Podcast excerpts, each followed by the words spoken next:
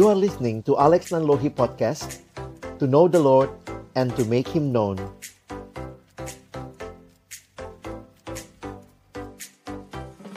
Shalom, selamat pagi Bapak Ibu Saudara yang dikasihi Tuhan. Senang kita boleh sama-sama berkumpul di ruang Zoom ini.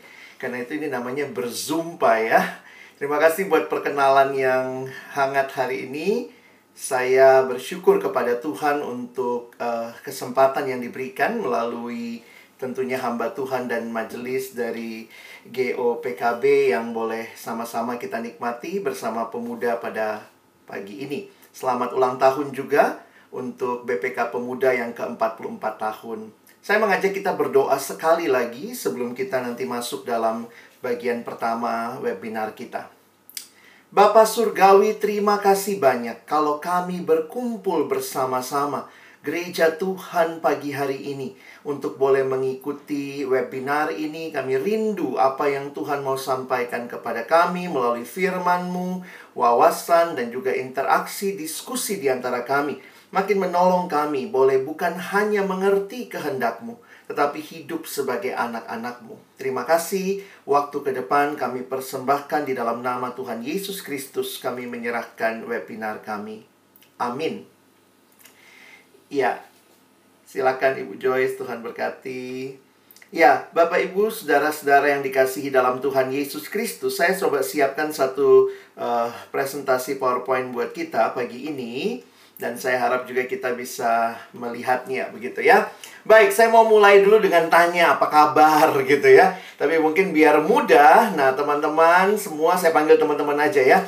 Coba perhatikan gambar yang muncul. Apa kabarmu hari ini? Nomor berapa yang paling menggambarkan kondisi dan kabar teman-teman? Cuman boleh pilih satu nomor ya. Yang mana nih yang paling menggambarkan kondisi kita? Kalau yang di gereja susah ngechatnya satu-satu ya, coba share aja sama temen kiri kanannya. Aku kayaknya yang nomor ini ya.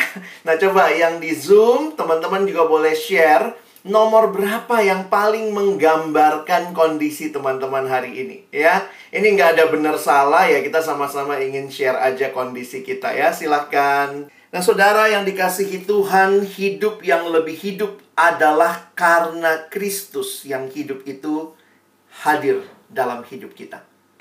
Nah, perhatikan selanjutnya. Selanjutnya justru Rasul Paulus kembali mengingatkan warga jemaat Korintus. Nah, ini masuk ke bagian tema kita ya. Setelah panjang sekali dia jelaskan tadi, maka dia ingatkan warga jemaat Korintus untuk tidak berbuat dosa lagi. Ya, untuk tidak berbuat dosa lagi. Peringatan ini masih terkait dengan berita kebangkitan Kristus. Jadi kalau teman-teman perhatikan kaitannya dengan apa ya ini? dengan berita kebangkitan Kristus. Dan kali ini tegurannya berhubungan langsung dengan kebiasaan bagi warga jemaat Korintus. Masih ingat ayatnya tadi? Janganlah kamu sesat. Ayat 34. Sadarlah kembali sebaik-baiknya dan jangan berbuat dosa lagi. Jadi teman-teman perhatikan, bagian waktu bicara pergaulan Waktu bicara jangan berbuat dosa, hati-hati dengan pergaulan. Dasarnya apa? Bukan cuma dasar tata kerama hidup sosial, tetapi didasarkan kepada fakta Yesus yang bangkit. Kalau betul Yesus bangkit dan kamu terima dia dalam hidupmu, maka 33 dan 34 ini jadi bagianmu. Sekali lagi saya ulangi. Jangan mimpi ayat 33 dan 34 ini jadi bagian saudara, kalau tidak saudara alami Yesus yang bangkit itu yang kau terima dalam hidupmu. Maka sesudah itu lihat ya, nasihat pergaulan lahir dari sebuah realita apa? Realita kebangkitan Yesus membuat pergaulan kita tidak macam-macam. Realita kebangkitan Kristus membuat kita tidak hidup seenaknya kebiasaan itu terbangun melalui pergaulan. Itu jelas ya. Rasul Paulus dalam bagian ini mengatakan bahwa pergaulan yang buruk akan merusakkan kebiasaan yang baik. Rasul Paulus hendak menasehati warga jemaat Korintus agar mereka cakap dalam memilih kawan bergaul. Ingat ya, Tentu saja kan Paulus tidak larang jemaat bergaul. Bukan itu poinnya. Penekanannya adalah kewaspadaan dalam memilih teman. Sebagai umat tebusan Allah, perilaku jemaat harus mencerminkan kuasa kebangkitan Kristus. Ingat ya, Yesus yang bangkit mempengaruhi perilaku kita, termasuk memilih teman. Makanya saya tuliskan prinsip ini juga berlaku dalam pergaulan. Bagaimana? Perhatikan, warga jemaat Korintus harus menjadi teladan dalam pergaulan dengan masyarakat di zaman itu. Dan hal ini juga berlaku bagi kehidupan kita saat ini. Sebagai orang Kristen, kita wajib menjadi teladan bagi masyarakat di sekitar kita. Nah, untuk itu setiap orang Kristen harus memperhatikan dua hal ini. Dengan siapa kita bergaul, yang kedua bagaimana cara kita bergaul. Karena kehadiran kita seharusnya berdampak dan menjadi teladan bagi banyak orang. Gimana itu? Bergaul tapi jadi teladan tidak ikut dunia. Wah, ini menarik ya. Karena itu saya ingat prinsip yang Yesus sampaikan ketika dia berdoa bagi umatnya di Yohanes 17 ya. Ini bukan berarti kita harus menjadi aneh bagi orang lain. Tiba-tiba tampil aneh. Wah, saya ikut Yesus. Mungkin pakai salibnya besar. Wah, mungkin pakai buletan di atas kepala. Bukan itu, teman-teman. Hidup kita tidak harus jadi ekstrim sehingga bikin orang lain risih bergaul sama kita. Prinsipnya adalah sekalipun kita hidup di dalam dunia, kita tidak boleh sama seperti dunia. Nah, ini kalimat Tuhan Yesus ya.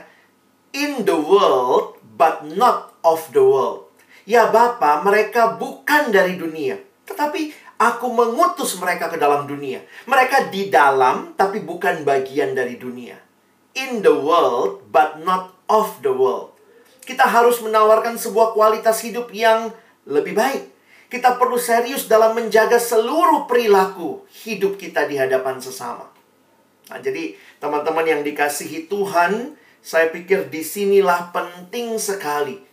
Orang percaya itu adalah orang yang hidup karena Kristus yang hidup di dalam dirinya. Yesus yang bangkit membuat kita memilih pilihan-pilihan terbaik, termasuk memilih teman.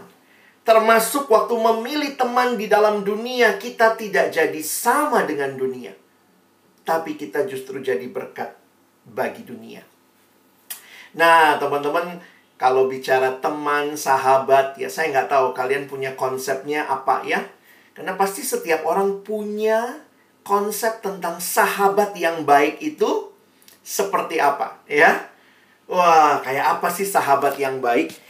Tapi kalau pagi ini kita mau lihat dari firman Tuhan, nah ini Kak Alex juga bergumul ya, di mana bagian Alkitab yang bicara tentang persahabatan yang baik? Ada banyak ayat di dalam kitab Amsal soal persahabatan. Nanti saya angkat di bagian kedua. Tetapi akhirnya saya jatuh kepada apa yang Tuhan Yesus sendiri sampaikan. Nah, mungkin saya akan tutup sesi ini dengan ajak kita refleksikan ini dulu ya. Jadi mungkin sesi satu ini saya lebih banyak kasih konsep, nanti sesi dua saya lebih banyak bicara praktisnya ya. Yesus yang bangkit ternyata juga kalau kita perhatikan dialah sahabat sejati.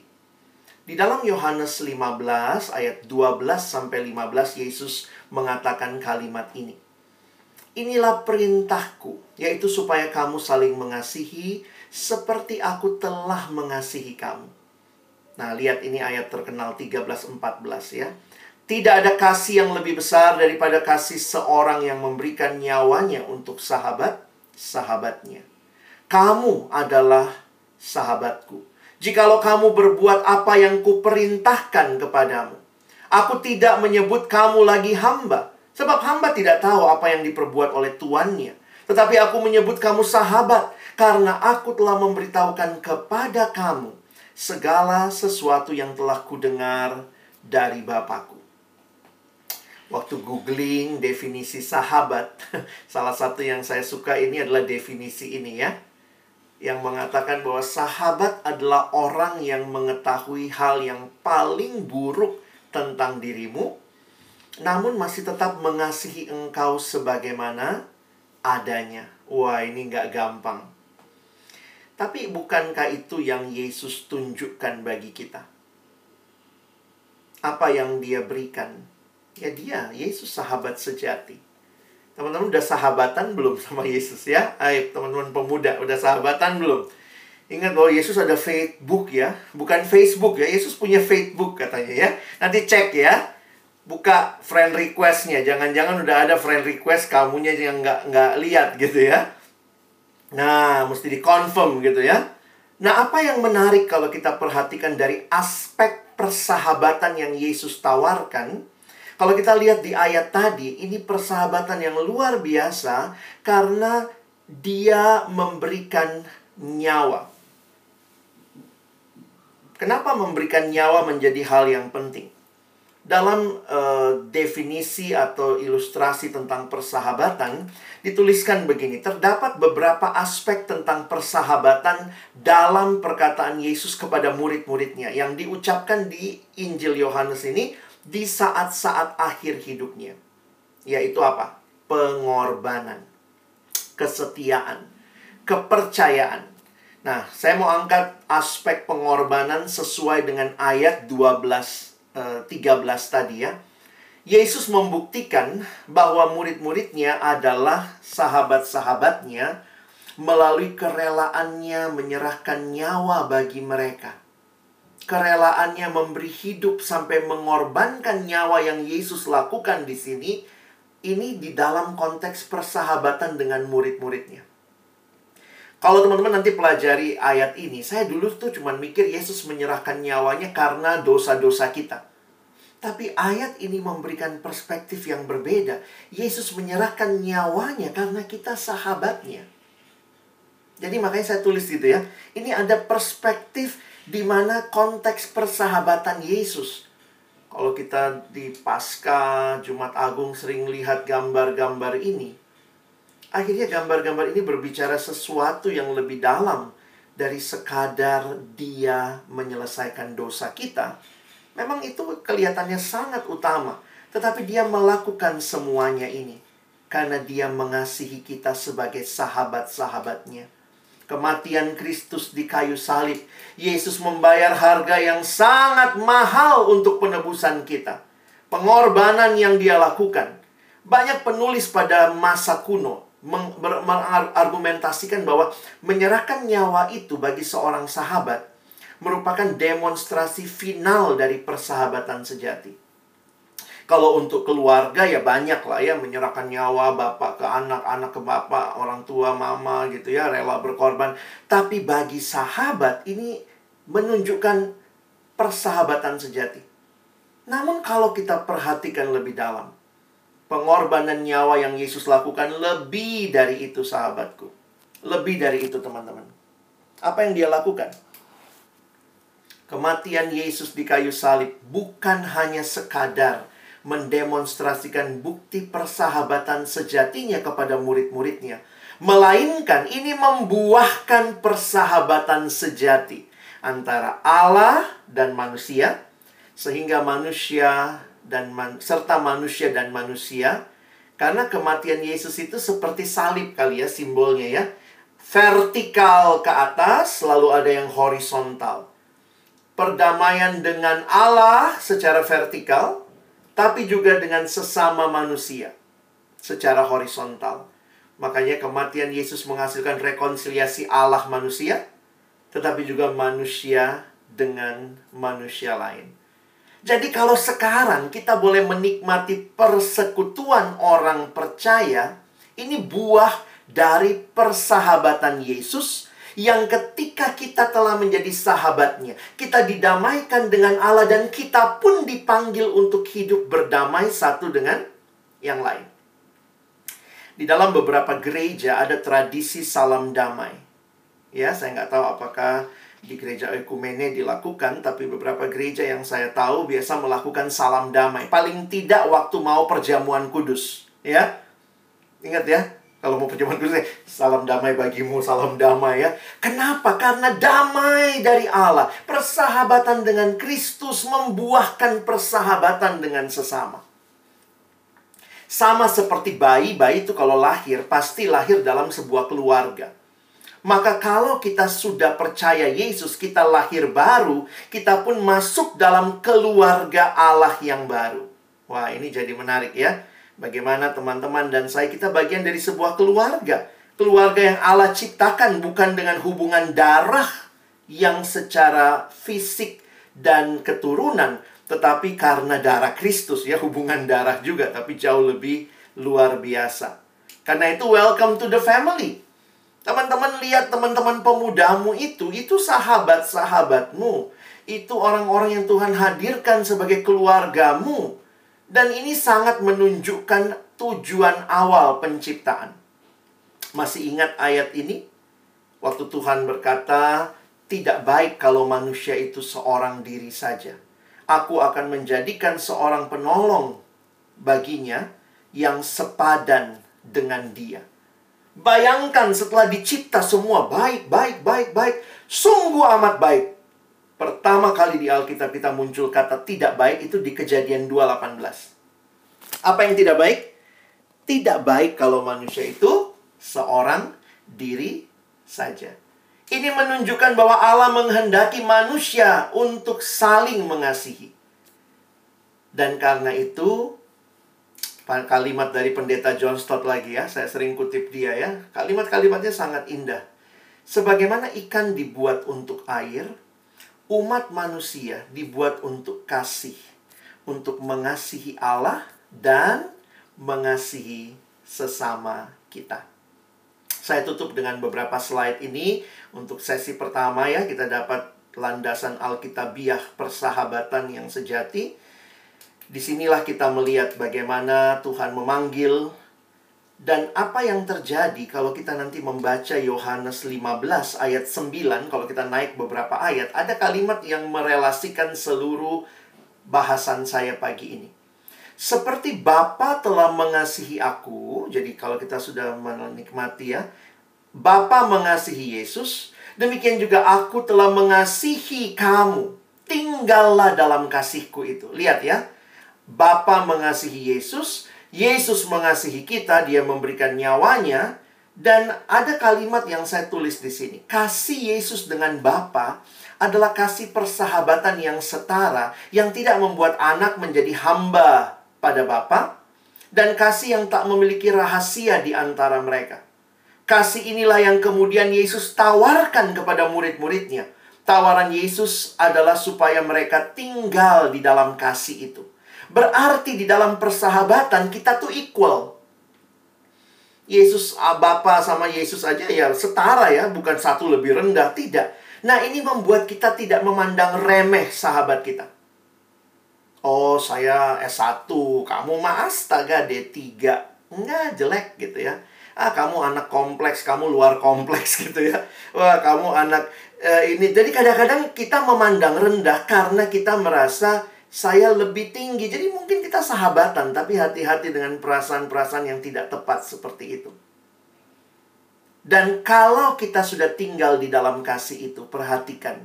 Sampai dua kali Yesus berkata, di ayat 12. Inilah perintahku. Bukan cuma suggestion. Mbok ya saling mengasihi. No, ini perintah. Yaitu supaya kamu saling mengasihi. Sama seperti aku telah mengasihi kamu. Jadi lihat alurnya ya. Bapa mengasihi Yesus, Yesus mengasihi kita. Kita harus saling mengasihi. Bukan cuma di ayat 12. Yesus tutup lagi di ayat 17. Sampai dua kali. Inilah perintahku kepadamu. Sekali lagi, bukan suggestion. Kasihilah seorang akan yang lain. Saya harap bagian pertama ini jelas menunjukkan kepada kita bahwa tema good friend, good life itu harus dimulai dengan teman-teman dan saya jadi good friend with Jesus. Terima dia dalam hidupmu. Sadari betul Tuhan yang memanggil engkau hadir dalam dunia juga untuk mengasihi dan dengan kualitas kasih seperti apa? Dengan kualitas kasih seperti kasihnya.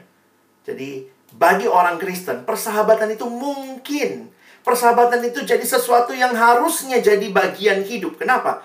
Karena Kristus sendiri telah menjadi teladan apa artinya bersahabat. Amin. Mungkin itu yang saya bisa sampaikan untuk bagian pertama. Saya kembalikan kepada uh, Lola ya, moderator kita. Silakan.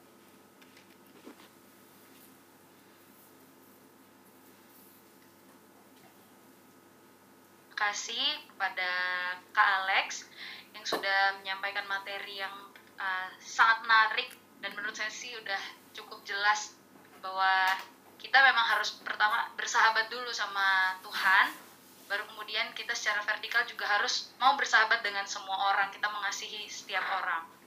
Uh, kita akan masuk ke sesi tanya jawab. Saya mau tanya uh, saudara-saudari di rumah apakah sudah mengerti uh, materi yang sudah disampaikan oleh Kak Alex? Apakah sudah cukup paham kalau misalkan memang ada hal atau pertanyaan dari saudara-saudari yang mungkin kurang paham atau mungkin ada satu hal yang mau ditanyakan terkait materi atau mungkin uh, ada sedikit ada di materi mungkin teman-teman boleh saudara-saudari boleh bertanya boleh di open mic. Tapi kalau mungkin teman-teman malu untuk bicara nggak apa-apa boleh tanya di chat room aja. Nanti kami panitia akan menampung pertanyaannya untuk kemudian bisa kita tanyakan jawabannya kepada Kak Alex. Saya persilakan mungkin teman-teman ada yang mau ditanya atau ada pertanyaan, ada hal yang masih kurang paham atau masih ingin tahu lebih. Boleh di kesempatan kali ini kesempatan untuk tanya jawab. Saya persilahkan. Uh, iya, silakan. Misal, ya, misalkan uh, saya atau ada orang lain gitu, kita nggak mau percaya sama siapa-siapa karena hmm. biasanya kan kalau kita memilih untuk berteman itu uh, akan ada biasanya kita mencari bukan mencari sih biasanya kita mengharapkan benefit kita kayak hmm. aku hmm. berteman dengan dia karena mau begini begitupun sebaliknya mungkin dia mau berteman dengan saya karena saya begini karena saya siapa gitu uh, kalau misalkan kita sebagai pribadi memilih untuk nggak mau nih percaya sama siapa-siapa kita nggak mau berteman sama siapa pun jadi biarlah kita berdiri sendiri aja nih nggak usah uh, hmm. no friends gitu supaya kita tidak dikecewakan sama orang lain. Itu nggak apa-apa nggak kan maksudnya kita buat ya udah kita sendiri aja kita nggak usah hmm. berteman hmm. sama siapa pun nggak usah bangun relasi apa pun gitu. Itu sih kak kalau dari saya pertanyaannya. Mungkin ada teman-teman lagi yang mau tanya jadi kita kumpulin dulu pertanyaan untuk kak Alex bisa jawab.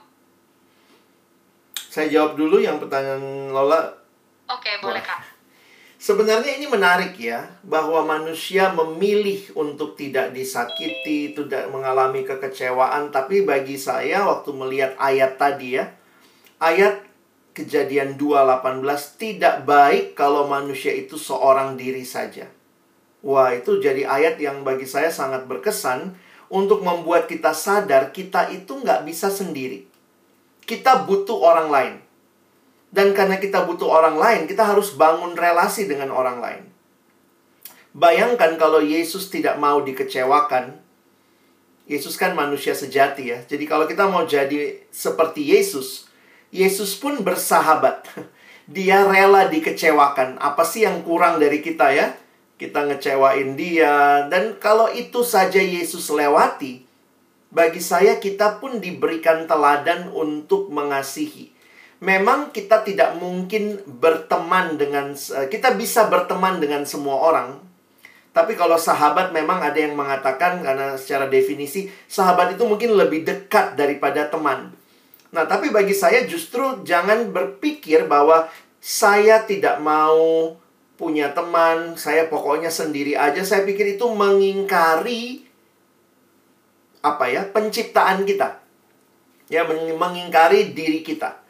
Jadi memang ini manusia yang makin individual. Tapi ingat kalimat Alkitab desain awal Allah buat kita tidak baik kalau manusia itu seorang diri saja.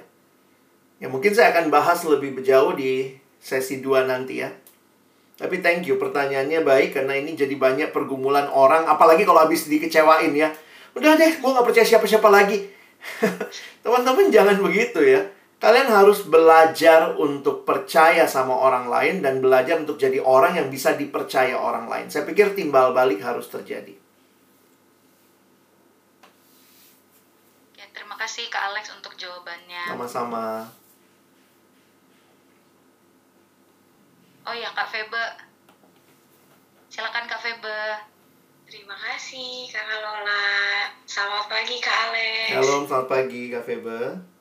Iya, uh, saya mau bertanya Kak, Hmm. uh, kan tema kita ini good friends ya Kak ya. Iya.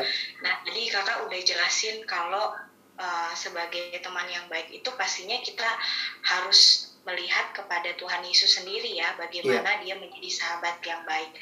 Nah, Kakak tadi kan kita sudah membahas, tadi Kakak bahas tentang pengorbanannya Tuhan Yesus ya. Hmm. Dia mengorbankan dirinya.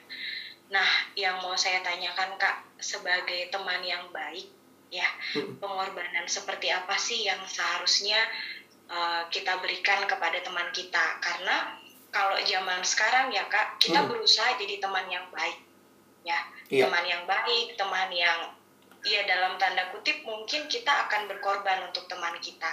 Tapi kebanyakan Kak, kondisi saat ini ternyata ada banyak sekali orang yang memanfaatkan Hmm, hmm. pengorbanan kita atau kebaikan kita. Betul. Nah, iya. Jadi pertanyaan saya ke Alex, eh, untuk jadi teman yang baik, apakah kita punya standar pengorbanan? Itu ya. Lalu yang kedua kak, bagaimana sih kita bisa memilah apakah kita ini sudah jadi teman yang baik atau justru eh, kita ini jadi teman dalam tanda kutip pengorbanan kita itu dimanfaatkan oleh teman kita. Seperti itu Alex. Thank you. Alex ya.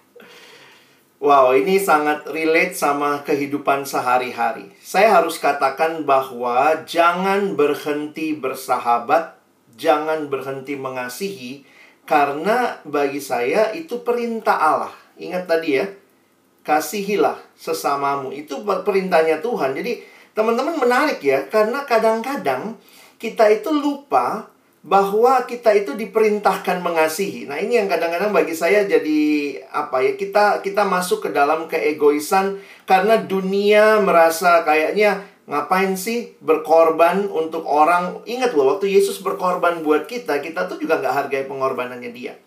Nah, cuma, nah ini ini bagian lain ya.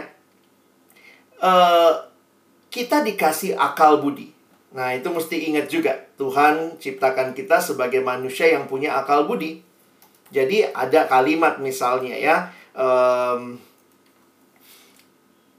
cerdik seperti, tulus seperti merpati, cerdik seperti ular. Jadi, teman-teman juga harus bisa melihat apakah pengorbananmu sedang dimanfaatin orang atau tidak. Jadi, saya pikir sih kita dikasih hikmat pertumbuhan kedewasaan yang sebenarnya teman-teman bisa menilai dan penilaian itu bukan kemudian buat saya ini ya. Kadang-kadang kan kita tuh uh, kebentur antara kata Tuhan harus mengasihi tapi kok saya jadinya dipermainkan? Saya pikir kita harus tarik batas karena kasih itu ternyata adalah kasih yang mendewasakan juga. Jadi kalau kita bicara kasih jangan lupa kita bukan jadi keset kaki ya tetapi kita jadi orang yang juga menolong orang lain juga untuk terus bertumbuh. Nah, jadi kadang bagi saya uh, karena gini loh, kadang-kadang gini, ada ada kalimat-kalimat yang Kak Alex dengar gini ya. Ini orang tua ngomong sama anaknya. Jangan terlalu baik jadi orang. Hah? Jangan terlalu baik jadi orang. Nanti kamu dimanfaatin. Bagi saya mungkin kamu penasehatnya bukan jangan terlalu baik. Alkitab bilang kita mesti baik.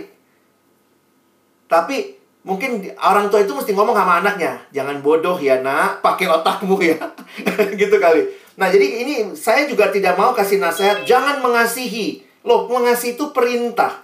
Tapi bagaimana perintah itu bisa kita lakukan? Ya kita dikasih hikmat oleh Tuhan. Nah jujur ya kak Lola ya eh kak kak Febe kalau mau tanya standar siap nih terima standarnya Tuhan Kalau ada Alkitab mungkin Kak Febe bisa bacakan buat kita. Kalau ada Alkitab di situ, tolong baca 1 Yohanes 3. 1 Yohanes 3. Silakan teman-teman yang di rumah juga bisa buka ya. 1 Yohanes 3, saya minta tolong bacakan ayat yang sebentar Kak ya. Ayat yang ke-16 Kak. Oke kak. Iya, silakan ya kak. Oke, 1 Yohanes 3 ayat 16. Demikianlah kita ketahui kasih Kristus, yaitu bahwa ia telah menyerahkan nyawanya untuk kita. Jadi kita pun wajib menyerahkan nyawa kita untuk saudara-saudara kita. Mau tahu standarnya? Ini standarnya. Jujur bagi saya, logika ayat ini sedikit mencengangkan saya awalnya. Coba baca ya. Demikianlah kita ketahui kasih Kristus. Bahwa ia, Yesus, telah menyerahkan nyawanya untuk kita. Lihat ya. Jadi kalau Yesus menyerahkan nyawanya untuk saya, saya menyerahkan nyawa saya untuk Yesus, kayaknya impas kan? Tapi lihat bagian ini. Karena ia telah menyerahkan nyawanya untuk kita, jadi kita pun wajib menyerahkan nyawa kita untuk saudara-saudara kita. Pengorbanannya sebesar apa untuk saudara-saudara kita? Sebesar nyawa. Nah, coba yang di sini deh, yang di Zoom, yang di gereja, coba lihat kiri kanan. Rela nggak mati buat dia? Ada ayatnya loh. Kamu harus rela menyerahkan nyawa untuk saudara-saudara. Saya mikir gitu ya, ternyata relasi dengan Tuhan melahirkan relasi dengan sesama. Kalau pengorbanan Tuhan buat kita maksimal kasih nyawa, ternyata pengorbanan buat sesama sama loh. Harus kasih nyawa. Puji Tuhan ayatnya nggak berhenti di situ ya. Kalau ayatnya berhenti di ayat 16, kalian bisa datangin Kak Eki. Kak Eki, mati dong buat saya. Ya, kan ada ayatnya Kak. Ya, silahkan kakak mati buat saya kalau kakak mengasihi saya. Ayo serahkan nyawa. Puji Tuhan. Tolong Kak Febe baca ayat 17 dan 18. Oke, Kak. Barang siapa mempunyai harta duniawi dan melihat saudaranya menderita kekurangan, tetapi menutup pintu hatinya terhadap saudaranya itu, bagaimanakah kasih Allah dapat tetap di dalam dirinya? Anak-anakku, marilah kita mengasihi bukan dengan perkataan atau dengan lidah, tetapi dengan perbuatan dan dalam kebenaran. Sehingga karena ada ayat 17, saya pakai pemahamannya begini. Kalau dia butuh nyawamu, bahkan kamu harus kasih nyawamu. Itulah pengorbanan seperti yang Tuhan berikan bagimu. Tapi kan nggak nggak semua orang butuh nyawamu ya. Siapa tahu dia cuma butuh uangmu. Karena dia nggak makan, dia butuh uang dari kamu. Jangan-jangan bukan uang juga, dia cuma butuh telingamu untuk mendengar keluh kesahnya. Jangan-jangan dia butuh tanganmu untuk nolong dia pindahan. Jadi untungnya ada ayat 17. Jadi akhirnya saya menghayati begini. Pengorbanan bagi sesama sebesar apa? Kalau sampai harus kasih nyawa, kasihlah nyawa. Tapi kalau tidak, orang lapar butuh makan. Masa kasih nyawa ya kasih makan lah. Jadi teman-teman dan saya dipanggil untuk berkorban mulai dari hal paling kecil dan paling tingginya itu nyawa. Itu pengorbanan yang Alkitab berikan. Jadi saya juga pikir kalau Yesus nyawa, saya bukan nyawa dong, saya kan bukan Yesus. Ternyata ayatnya bilang nyawa juga gitu ya. Cuma ada konteksnya. Makanya ayat 18 menarik. Marilah mengasihi bukan dengan perkataan atau per, atau lidah, tapi dengan perbuatan. Hal-hal sederhana, kalau memang itu dibutuhkan, silakan. Itu pengorbanan yang teman-teman berikan. Mungkin gitu kali, Kak Febe ya. Terima kasih, Kak Alex. Sama-sama.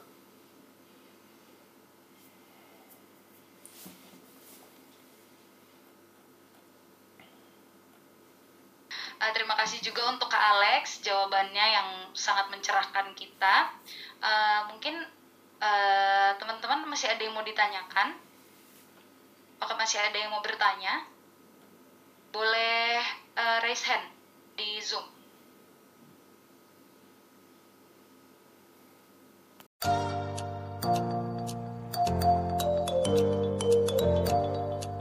You are listening to Alex Nanlohi Podcast To know the Lord and to make Him known Baik, teman-teman yang dikasihi Tuhan, sesi yang kedua ini saya ajak kita untuk bisa lihat lebih uh, praktis ya dalam hidup kita seperti apa. Tapi memang dasar Alkitab tadi bagi saya sangat menarik ya kekristenan berbicara soal kehidupan persahabatan pun itu terkait dengan kebangkitan Kristus. Jadi kehadiran Kristus dalam hidup kita itu membawa perubahan mendasar buat seluruh kehidupan kita. Nah, sekarang kalau kita melihat ya, kita ada dalam masa yang tidak mudah juga ya, e, pandemi corona yang belum selesai sehingga banyak pertemuan masih harus online. Kita melihat yang kerja pun dari rumah, yang studi juga di rumah. Jadi awalnya kan ini cuma masalah kesehatan ya.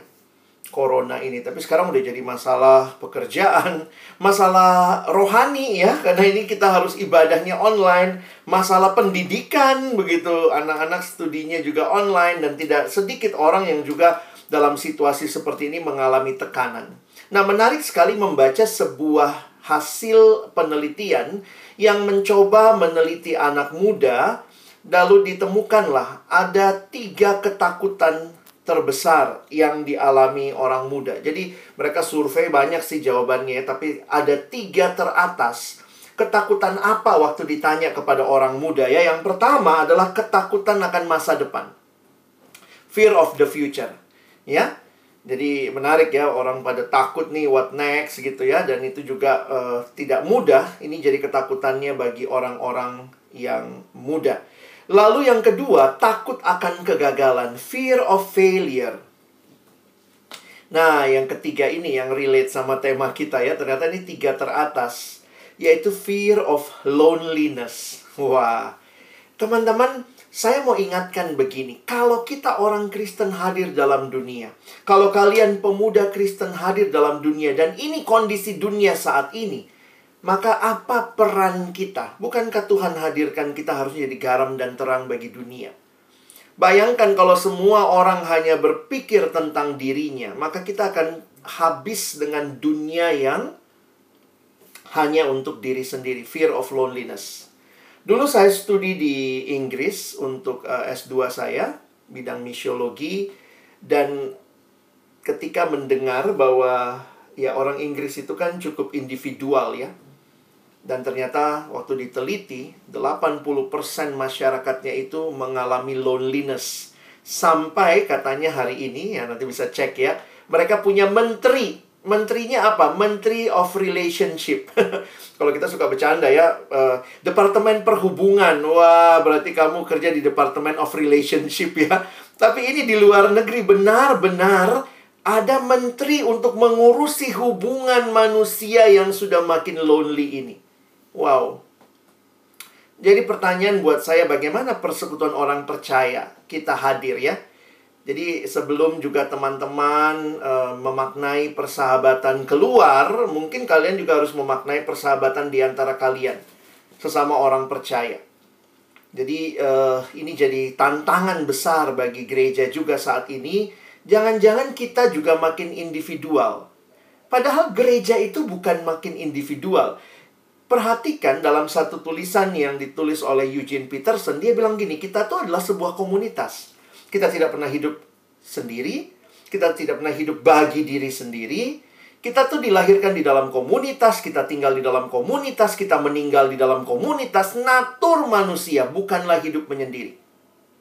Bahkan seorang pendeta bernama Timothy Keller menyimpulkan peran komunitas Kristen. Menarik sekali dia bilang begini, kita tidak dapat mengenal Allah terpisah dari komunitas.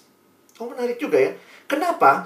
Karena bahasa-bahasa yang Allah pakai memperkenalkan dirinya itu bahasa komunitas. Ya, Bapa, terus kita saudara seiman disebut brother and sister. Itu bahasa-bahasa komunitas. Kerohanian kita terkait dengan Allah yang memperkenalkan dirinya dengan bahasa komunitas. Kita tidak dapat mengalami perubahan yang dalam terpisah dari komunitas. Jadi mau berubah, ya beri dirimu ada dalam komunitas. Dan kita tidak dapat memenangkan dunia. Wah, orang Kristen mau jadi berkat bagi dunia. Tapi, nggak bisa kalau tanpa komunitas. Nggak tahu berapa banyak yang nonton nih ya. Seperti apa komunitas yang sehat? Hai penggemar drama Korea. Model Squid Games atau model itu tuh ya.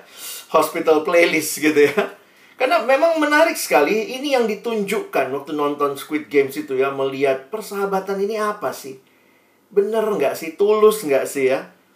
Sering kumpul-kumpul atau nongkrong sama komunitas berasa tidak sih? Kadang itu memakai waktu kita yang berharga. Kalau memang komunitas berfaedah, lanjutkan. Kalau komunitas secara sekedar kumpul, mungkin perlu dipertimbangkan. Jadi pertimbangannya apa? Nah, sebenarnya ini jadi menarik untuk kita perhatikan ya Sekali lagi saya mendasarkan kepada kita adalah anak-anak Tuhan yang sudah ditebus oleh Yesus yang mati dan bangkit. Nah, mari kita sekarang periksa diri kita juga ya.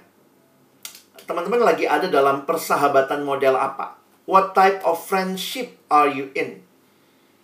Di dalam Amsal dikatakan ada teman yang mendatangkan kecelakaan, tetapi ada juga sahabat yang lebih karib daripada seorang saudara. Amsal 18 ayat 24. Nanti kalau baca Amsal ini banyak nasihat soal persahabatan ya. Dan menarik yang kita bahas hari ini sesuai dengan tema kita bahwa diingatkan di 1 Korintus 15 ayat 33, janganlah kamu sesat. Pergaulan yang buruk merusakkan kebiasaan yang baik. Bad company corrupts good character. Teman-teman, saya tertarik untuk sedikit share tentang ayat ini ya, untuk kita memahami. Bahwa pergaulan yang buruk, yang dirusak itu bukan cuma perbuatan baik ya, tapi kebiasaan yang baik. Kalau kalian mengerti teori membangun karakter, maka kita membangunnya dari kebiasaan. Nah, kebiasaan itu sesuatu yang kita harus mulai dengan tindakan. Makanya ada kalimat bijaksana bilang begini saudara menabur tindakan, saudara menuai kebiasaan. Saudara menabur kebiasaan, saudara menuai karakter. Saudara menabur karakter, saudara menuai kehidupan. Jadi memang sesuatu yang dilakukan hari ini baca Alkitab, Besok baca Alkitab. Lusa baca Alkitab. Ya, hari ini saat teduh. Besok saat teduh. Lusa saat teduh. Itu kan tindakan. Tapi tindakan yang dilakukan dengan tekun terus-menerus akan membentuk kebiasaan. Jadi kebiasaan itu sesuatu yang lebih uh, integratif ya. Karena sudah terbentuk. Tapi saya kaget waktu baca. Ketika pergaulan yang buruk, yang dirusak itu kebiasaannya.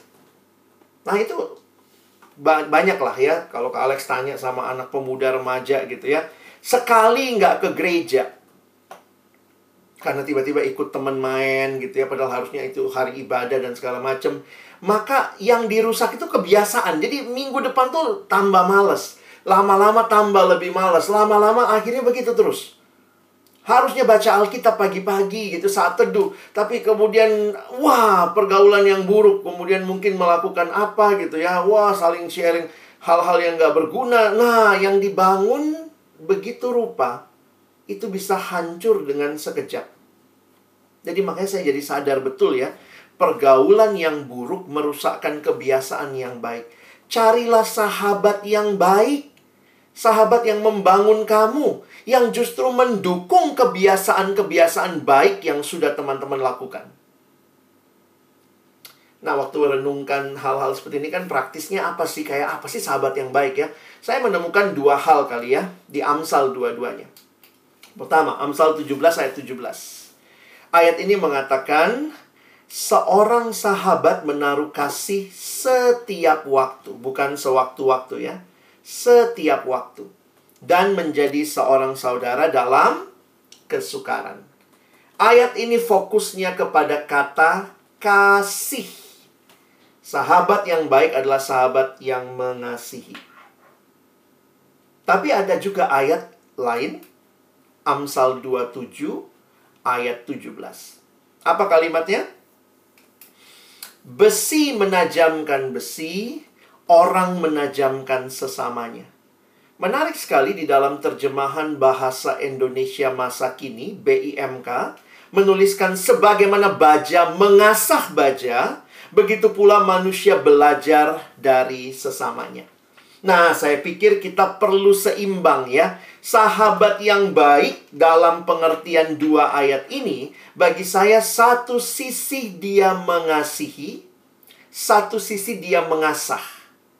Jadi kalau kamu punya teman yang cuma mengasihi, kamu bikin salah juga dia nggak negur, nggak ngasih tahu, wah hati-hati tuh ya.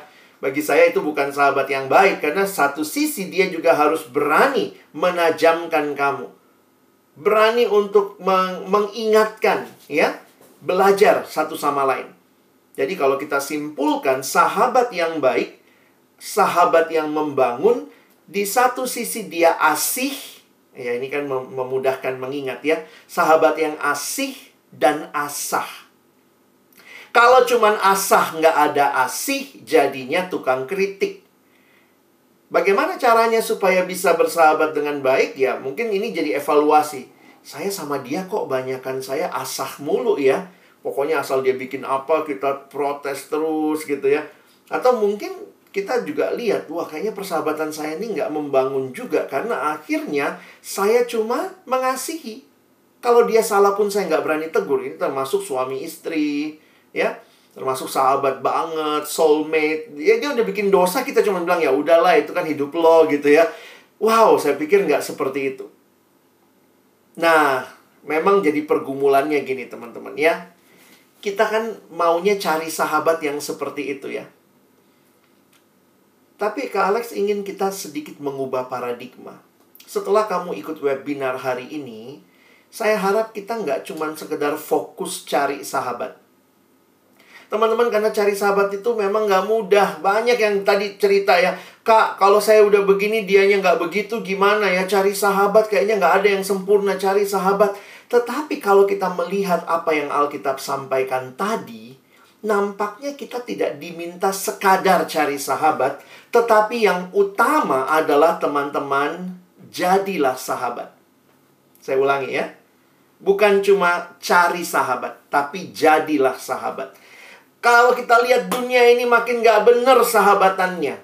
Ya jangan bersahabat dengan mereka, tetapi buka dirimu. Bangun dirimu. Jadi sahabat yang membangun orang lain. Kadang-kadang saya pikir begitu nggak dapat sahabat, kita kecenderungannya kayak tadi ya pertanyaannya. Ya sudahlah, ngapain gua? Saya pokoknya kayak begini, orang uh, saya makin nggak butuh orang lain. Tapi kemudian kamu pun tidak belajar lebih jauh lagi bertumbuh untuk menjadi sahabat. Dengar kalimat Kak Alex baik-baik ya. Saya tidak melarang kalian cari sahabat. Tetapi yang jauh lebih penting. Apakah kalian sudah jadi sahabat yang baik buat orang lain?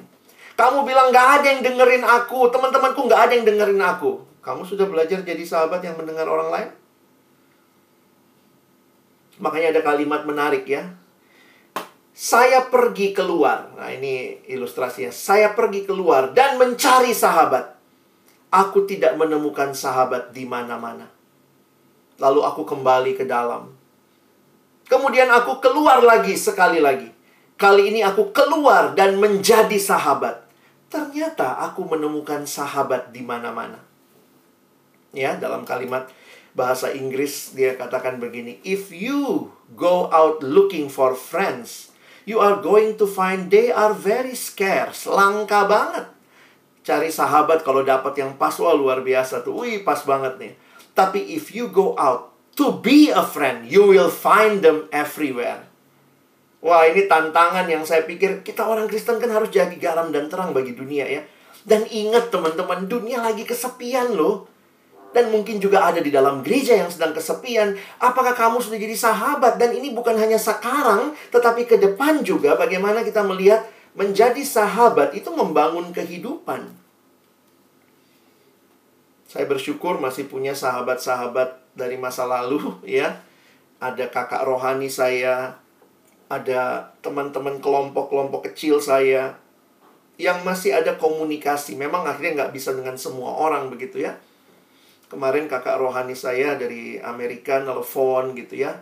Dia doakan saya. Saya pikir, wow, kami sudah lebih dari eh, uh, 25 tahunan ya bersahabat dan dia masih ingat gitu ya.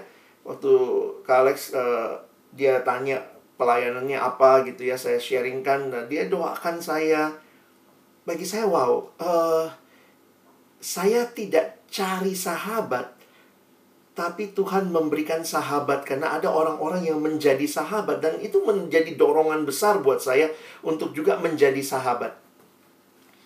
Masa pandemi ini kan nggak mudah ya. Nggak tahu nih orang-orang di rumah apa tertekan kah depresi. Uh, yuk kita jadi sahabat gitu ya. Jadilah sahabat, bersahabatlah bukan untuk memanfaatkan orang lain, tapi atas dasar kasih. Jadilah sahabat yang mengasihi, rela berkorban, setia, dapat dipercaya, terbuka. Jadi sebelum teman-teman sebenarnya menuntut orang lain, tanya dulu dirimu ya. Dan memang kalau Tuhan akhirnya memberikan engkau jadi sahabat seperti ini, mungkin juga Tuhan akan memberikan orang lain uh, bertemu dengan kamu dan jadi sahabatmu. Jadi uh, bagi saya Tuhan Yesus tidak berhenti ketika tidak ada yang sahabatan sama dia. Di mana muridnya semua waktu Yesus meng, men, men, apa mau disalib ya? Kadang-kadang kalau saya jadi Yesus gitu ah udah nggak jadi mati ya mana ini sahabat-sahabat pada pergi gitu ya tapi dia tetap setia karena ternyata dia tahu kita tuh butuh sahabat sejati sahabat yang mengorbankan dirinya dan akhirnya itu menjadi keselamatan bagi kita ya nah mungkin teman-teman bilang aduh kak berat banget ya namanya juga anak Tuhan ya yang kasih kekuatan tuh dari Tuhan makanya kalau kamu cuma menjadi sahabat dengan kekuatan diri sendiri nggak bisa kita tuh bukan manusia yang mau mengasihi sebenarnya. Kasih itu buah roh. Setiap kali saya renungkan itu, kasih itu buah roh. Jadi hanya kalau roh kudus diam di dalam saya. Saya dengar-dengaran kepada Tuhan, maka saya akan keluar. Kasih itu buahnya roh kudus. Bukan buahnya si Alex ini. Alex ini buahnya adalah ya yang yang natural adalah pendendam, membenci, itulah saya. Tapi kalau saya mengalami kasih Tuhan, saya bisa mengasihi. Itu adalah buah dari kehadiran Roh Kudus dalam diri saya. Karena itu berilah dirimu dipimpin oleh Tuhan. Kita tuh kan maunya balas dendam ya. Kita tuh manusia begitu ya dia injek kaki saya. Kalau perlu saya injek kaki dia, kaki mamanya, kaki papanya, semua gitu ya. Kalau perlu injek kepalanya, itulah kita manusia. Pendendam, pembenci. Tapi kalau Kristus diam di dalam kita, kamu akan melihat gitu ya. Ih, Tuhan memberikan karunia untuk saya belajar mengasihi. Nah, Kalex uh, ambil ayat ini ya. Makanya tadi saya bilangnya sebelum teman-teman keluar jadi berkat bagi dunia di HUT ke-44 ini mari kita sama-sama periksa lagi persekutuan kita dulu ya. Ibrani 10 24 25. Dikatakan dan marilah kita saling memperhatikan supaya kita saling mendorong dalam kasih dan dalam pekerjaan baik. Janganlah kita menjauhkan diri dari pertemuan-pertemuan ibadah kita. Oh, dari dulu ada yang suka malas datang persekutuan ya. Suka malas datang ibadah ya. Jadi ada dari dulu nih, janganlah menjauhkan diri dari pertemuan-pertemuan ibadah kita seperti dibiasakan oleh beberapa orang. Tetapi, marilah kita saling menasehati dan semakin giat melakukannya menjelang hari Tuhan yang mendekat. Saya ajak kita fokus dua kata dalam ayat yang kita baca tadi. Yang pertama adalah kata memperhatikan. Teman-teman menarik sekali ayat ini kalau kalian lihat bahasa aslinya, bahasa Alkitab Perjanjian Baru itu bahasa Yunani. Kata saling memperhatikan itu bukan cuman oh gue perhatiin lu gitu ya. Ternyata dalam bagian yang lain, misalnya Alkitab berbahasa Inggris, New International Version, NIV menggunakan istilah consider. Alkitab NASB New American Standard Bible menggunakan kata take thought. Jadi sebenarnya ini bukan cuma bukan cuma perhatiin biasa tapi pikirin. Nah, bisa bisa paham ya? Yuk pikirin gitu. Wah, waktu saya mengerti ayat ini, coba lihat lagi ya. Marilah kita mikirin gimana kita saling mendorong. Jadi teman-teman bukan cuman perhatikan ya saya perhatikan dari jauh begitu ya, tetapi ternyata kita diminta untuk benar-benar mikir. Makanya persekutuan pemuda atau mungkin BPK pemuda kalian ini uh, siapa yang mikirin? Cuma pengurus, cuma hamba Tuhan, cuma majelis pendamping atau semua kita sebenarnya diminta marilah kita. Ini kan bukan marilah pengurus, marilah kita mikirin gitu ya. Lalu kata kedua adalah kata mendorong. Jadi memperhatikan lalu ada kata mendorong. Nah, ini juga ya memang terjemahan bahasa Indonesia tidak menampung keseluruhan makna dari kata ini. Dalam bahasa aslinya itu adalah saya lebih senang pakai terjemahan ESV ya. Stir up, to stir up. Tahu ya, stir up itu apa ya? Stir up itu ngaduk. Misalnya kita masukin gula ke dalam teh supaya jadi teh manis. Maka apa yang kita lakukan dengan gula itu kita aduk. Kita aduk supaya lebih cepat terjadi proses larutnya gula itu. Nah, ternyata mendorong di sini adalah ayo kita ngadukin gitu ya. Kita bukan cuma tunggu aja nanti lihat bagaimana terjadi, tetapi sebuah upaya yang disengaja. Yuk bareng-bareng yuk. Makanya saya lihat ini harusnya terjadi di persekutuan kita. Makanya coba lihat terjemahan bahasa Inggrisnya ya. And let us consider how to stir up one another to love and good works. Ayo teman-teman semua, kita pikirin gimana kita mempercepat reaksi supaya makin mengasihi dan makin menunjukkan perbuatan baik. Salah satu terjemahan Indonesia uh, sudah menggunakan kata berpikir ini ya. Saya kutip dari uh, terjemahan BIMK kalau uh, sorry terjemahan TSI ya. Kalau itu kan saling memperhatikan dan saling mendorong. Di dalam terjemahan sederhana Indonesia dia menangkap dia menerjemahkan kata itu. Oleh karena itu marilah kita semua berpikir bagaimana kita bisa saling mendorong dan saling mengingatkan untuk melakukan hal-hal yang baik. Teman-teman persekutuan eh, apa ya pel, eh, BPK pemuda ini kan bukan cuma milik pengurus, milik hamba Tuhan, pendeta, tapi ini milik kita. Udah 44 tahun usianya, yuk kita sam semua berpikir. Kita saling memperhatikan, kita mikirin. Kita bisa saling mendorong. Nah, kalau ini yang kita miliki ya, saya pikir gereja punya masa depan ya. Karena orang-orang muda ini akan melanjutkan. Karena kalau kalian belajar di Alkitab, di Alkitab itu banyak sekali kata saling. Teman-teman Kak kaget juga ya waktu pelajari kata saling itu banyak banget. Karena apa? Bentuk daripada gereja sebenarnya adalah ketersalingan. Pertama dengan Allah, tetapi juga dengan sesama. Perhatikan ayat-ayatnya ya. Ada ayat seperti ini. Kalau lihat bahasa Inggrisnya one another. Menerima satu dengan yang lain, peduli satu dengan yang lain, menanggung beban satu dengan yang lain, saling mengampuni, encourage, saling mengaku dosa, saling mendoakan. Saya sampai pernah bertanya sama senior saya. Saya bilang sama dia, saya panggil abang, abang, kalau begini bentuk gereja, di mana privasi? Karena kayaknya, bayangkan ya, semua tuh jadi saling. Terus dia bilang gini, itu kaget juga sama saya. Emang gereja itu privasinya adalah privasi bersama. Ya mungkin dia mau memaksudkan bahwa hati-hati dengan privasi yang saat ini dikatakan, tetapi itu bukan bentuk privasi Kristen, itu individualisme. Nah, Kak Alex kasih contoh ya. Dulu kakak saya studi di luar negeri, dan waktu dia studi di luar negeri itu biasa ya, namanya di luar, lalu mereka sewa apartemen, begitu, mereka satu apartemen tiga orang, masing-masing ada kamar, begitu. Nah, lalu mereka pas ketemu nih anak Tuhan semua, wah mau hidup dalam Tuhan ya. Lalu kemudian ya namanya mau hidup dalam Tuhan tapi mungkin juga banyak godaan. Nah, salah satu temannya mulai pacaran. Waktu mulai pacaran kemudian uh, cowoknya main ke rumah. Ya, kakak saya perempuan, jadi teman-temannya itu bawa cowoknya ke rumah, ke apartemen. Terus tiba-tiba suka masuk kamar berdua begitu. Walaupun nggak ngapa-ngapain, tapi kan juga itu godaannya besar ya. dan sebagai roommate ya atau uh, housemate namanya ya karena satu apartemen gimana sikap kristianinya? Padahal ini sama-sama tahu dari awal jauh dari orang tua mau hidup benar mau hidup kudus mereka ke gereja bareng gitu pelayanan bareng-bareng. Tapi yang satu ini ya bawa pacarnya masuk dalam kamar.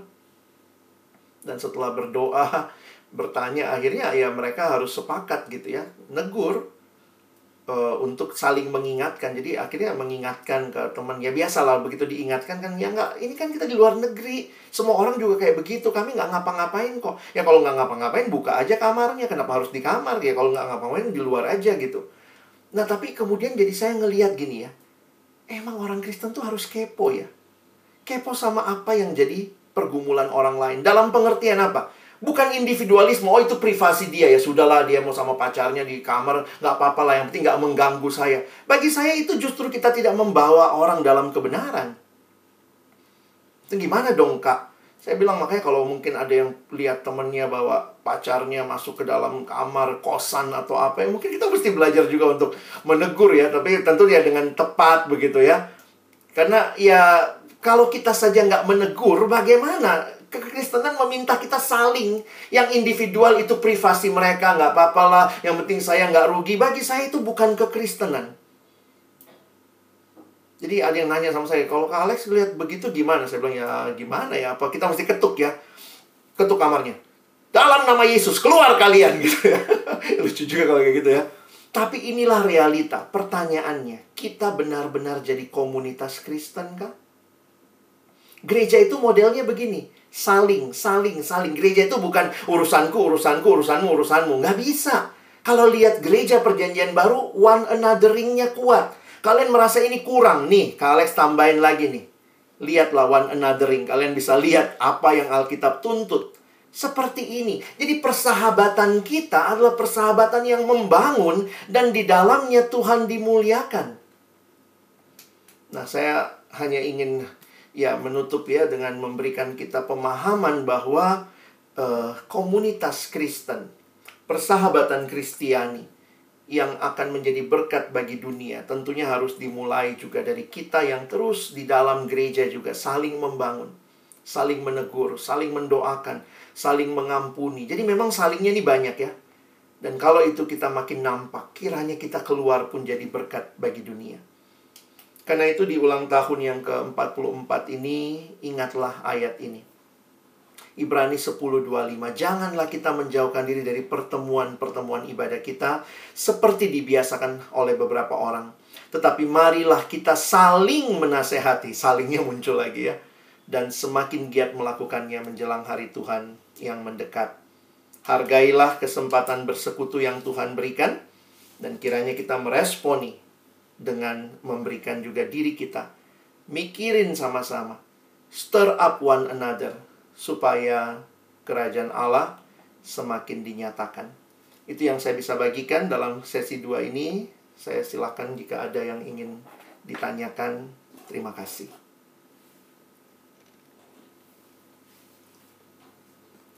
Oke, terima kasih untuk Kak Alex di penyampaian materi yang sesi kedua ini.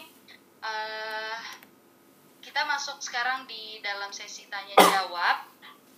Mungkin teman-teman saudari-saudari di rumah yang ada hal yang ingin ditanyakan ada hal yang ingin lebih tahu terkait materi atau mungkin punya pertanyaan uh, soal menjalani persahabatan dengan sahabatnya bisa ditanyakan dengan Kak Alex. Rangkuman singkat uh, berarti kita nih tidak boleh takut ya kak untuk menegur atau menasehati teman atau mungkin sahabat kita uh, menegurnya ini berarti nggak boleh takutnya tuh dengan kasih. Mungkin dengan uh, nada yang lembut jadi jangan nasehatin tapi sambil marah gitu. Terus kita nih harus saling kita punya ketersalingan sama teman sama sahabat sama mungkin keluarga juga atau pasangan. Dan kemudian kita jangan cuma mau berteman itu dalam kesenangan aja kita juga mau uh, rela berkorban dengan yaitu standar standar pertemanan itu tadi. Itu yang bisa saya rangkum. Kalau mungkin teman-teman uh, memang tidak ada yang mau ditanyakan cukup sekian. Terima kasih ke Alex untuk penyampaian materinya di sesi kedua ini